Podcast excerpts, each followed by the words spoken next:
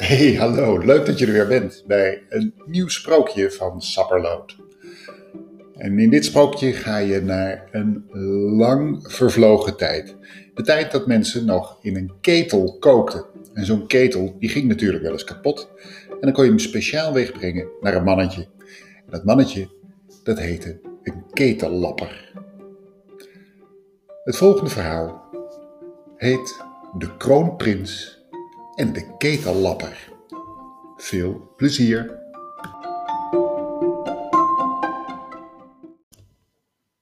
Er leefde eens in een land hier ver vandaan een ketellapper. Zijn vrouw was bij de geboorte van hun enige dochter gestorven en de ketellapper leefde een erbarmelijk bestaan. Ondanks hun armoede was zijn dochter een opgewekt meisje die de vriendelijkheid zelf was. Ze groeide uit tot een beeldschone vrouw. En al snel sprak men in het hele koninkrijk over de knappe ketellappersdochter.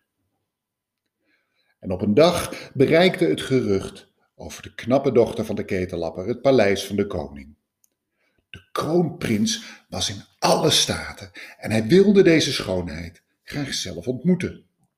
Hij ruilde zijn kleding met die van de stalknecht haalde uit de koninklijke keukens de oudste ketel die hij kon vinden en spoedde zich naar het huisje van de ketellapper.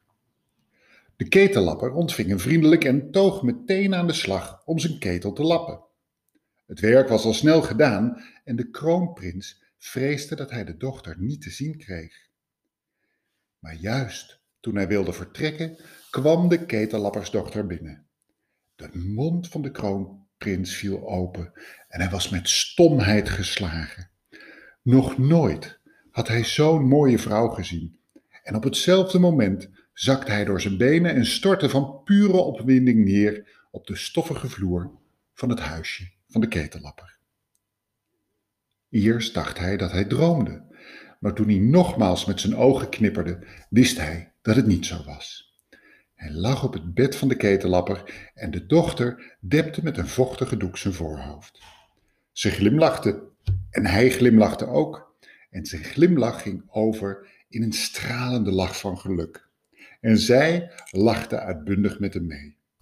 En daarna bleven ze nog uren praten. Hij sprak over het paleis van de koning, waar hij als stalknecht zei te werken. En zij sprak over haar leven als dochter van de ketellapper. En toen de kroonprins vertrok, was het al laat.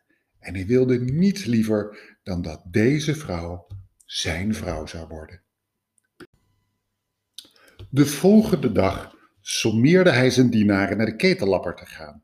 Met geschenken overladen haasten de dienaren zich naar het huis van de ketellapper.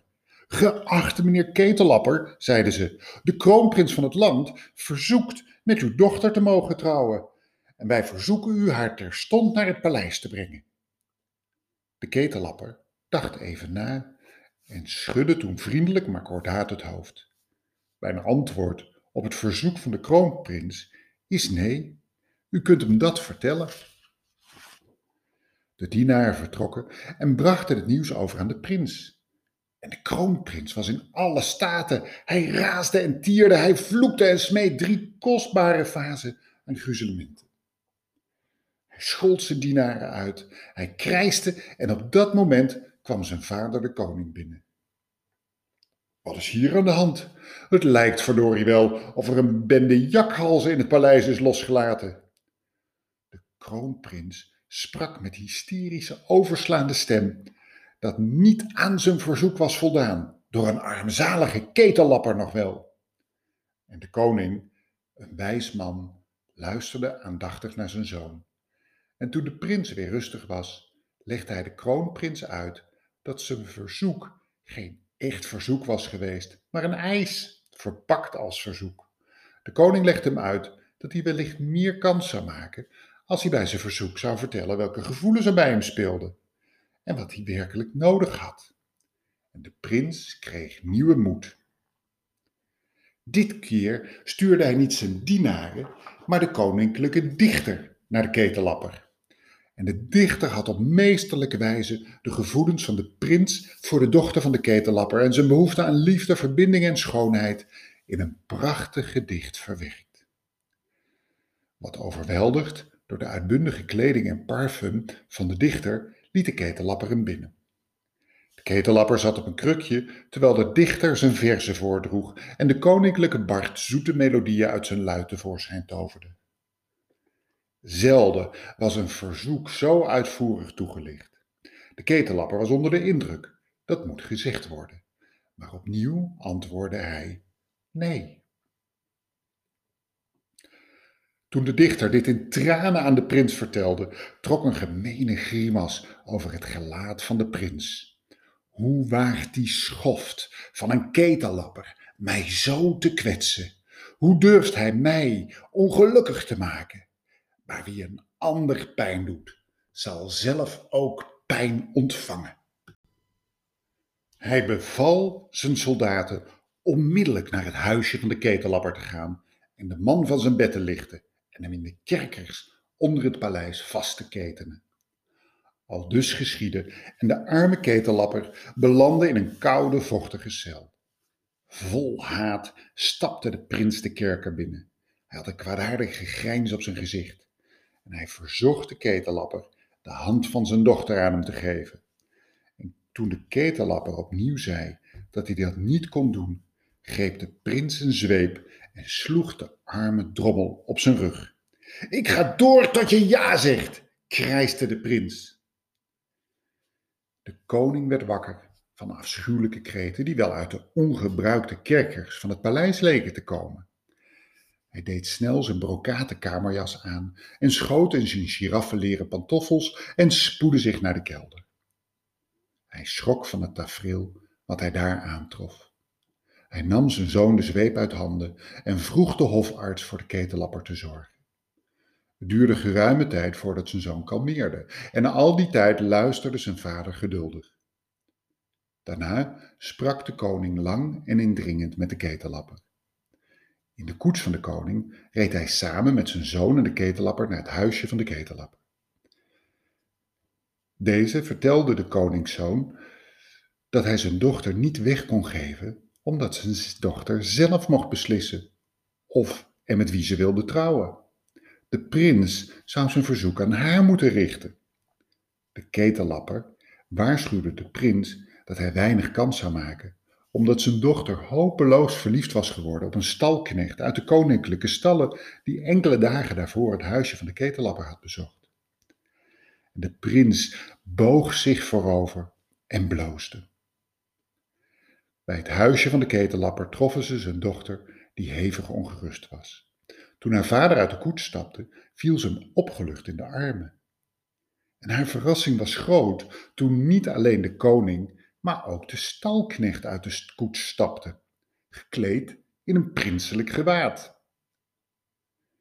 De prins huilde van geluk en de ketellappersdochter huilde ook van geluk en toen moesten ze lachen en iedereen lachte mee. En toen viel de prins op zijn knieën en sprak zijn verzoek uit. Hij vertelde over zijn gevoelens en zijn behoeften die ingevuld zouden zijn als de dochter van de ketellapper met hem zou trouwen. En de dochter van de ketellapper dacht even na. Ik wil met je trouwen, maar ik wil met je in het huisje bij mijn vader blijven wonen. Hoe is dat voor jou? En de kroonprins zei dat het goed was, dat het fantastisch was. En zo geschiedde. De kroonprins trouwde met de dochter van de ketellapper en samen woonden ze in het huisje van de ketellapper. De kroonprins leerde ketels lappen van zijn schoonvader. Hij bleek er best goed in te zijn. Het stel was gelukkig en in de loop der jaren vulde het huisje zich met kleine prinselijke ketellappertjes. De oude koning kwam vaak op bezoek. Hij speelde met zijn kleinkinderen en sprak met zijn vriend de ketellapper. En toen de koning na een lang leven zijn laatste adem uitblies, volgde zijn zoon hem op. Koning Ketellapper. En ze leefden nog lang en gelukkig. Nou ja, meestal dan natuurlijk, want niemand kan immers altijd gelukkig zijn.